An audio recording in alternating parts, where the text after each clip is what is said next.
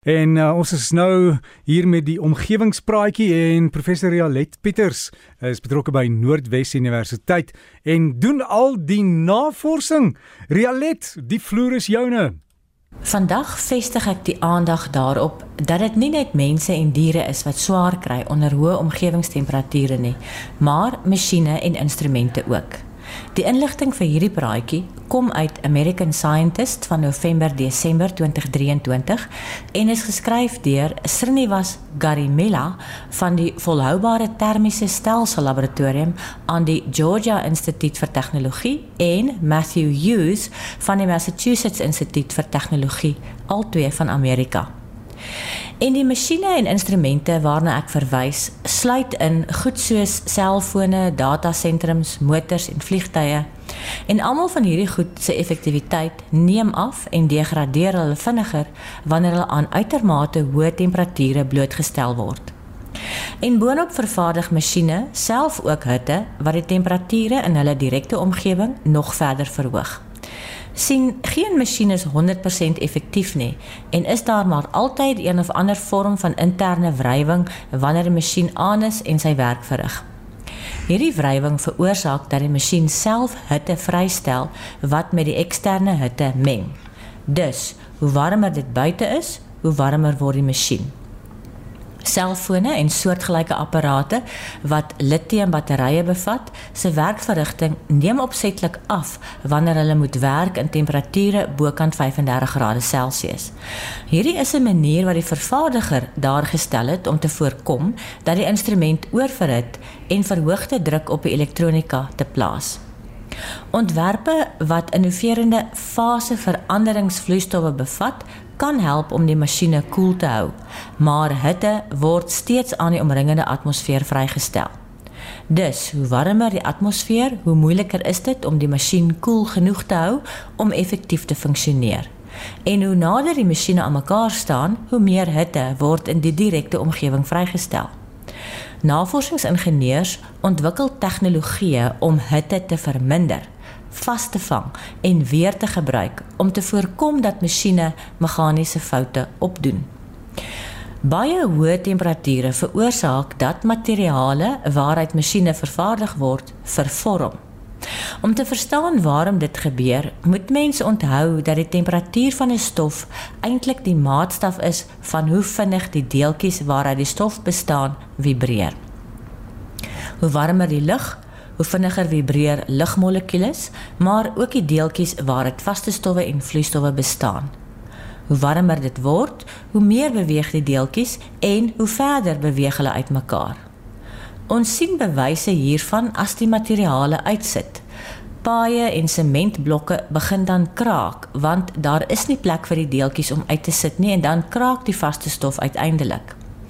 Hierdie effek gebeur ook in masjinerie en as die masjien se komponente uit verskillende materiale saamgestel is, sit hulle uit teen verskillende tempos en dit veroorsaak verder meganiese skade.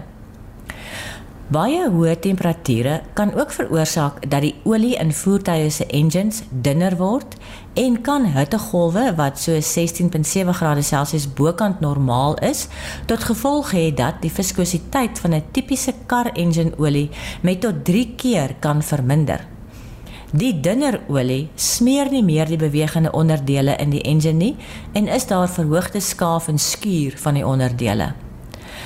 Verder sal 'n warm dag ook die lug in jou voertuig se bande laat uitsit en die druk verhoog wat ook tot verwering op die bande lei of selfs kan veroorsaak dat die kar gly. Vliegtye kan ook nie opstyg as dit so vreeslik warm is nie want soos wat dit warmer word, beweeg die lugmolekules verder uitmekaar en raak minder dig. Dit lei daartoe dat die massa wat die vliegtyg sou kon dra, moet verminder wat kan lei tot vlugkansellasies of vertragings.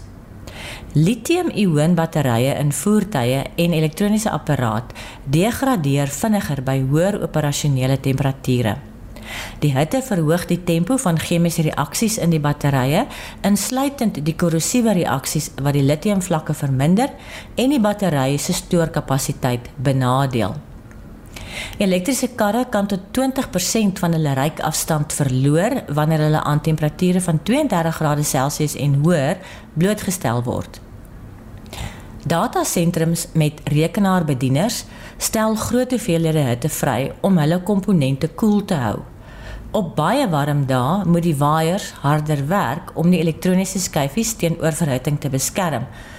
Maar in sommige gevalle is selfs kragtige waaiers nie genoeg om die elektronika af te koel nie. Datasentrums maak dan gebruik van verdampingsverkoeling. Inkomende droë lug wat van buite af inkom, word oor 'n klam oppervlak gestuur.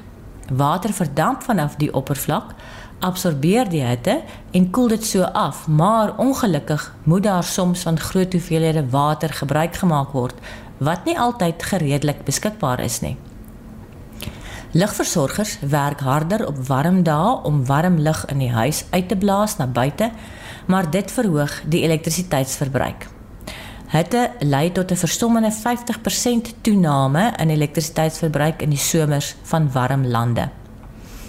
Planne wat kan help is om masjiene in ligversorgde, goed geïnsuleerde vertrekke uit direkte sonlig te hou en om waar moontlik elektriese toerusting te gebruik buite piektye, soos om jou elektriese kar te herlaai buite piektye.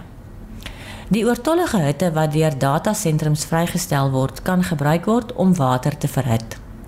Oortollige hitte kan ook deur absorpsieverkoelers wat hitte as bron van energie gebruik benut word om die verkoeler deur 'n reeks chemiese en hitteoordragprosesse te ondersteun.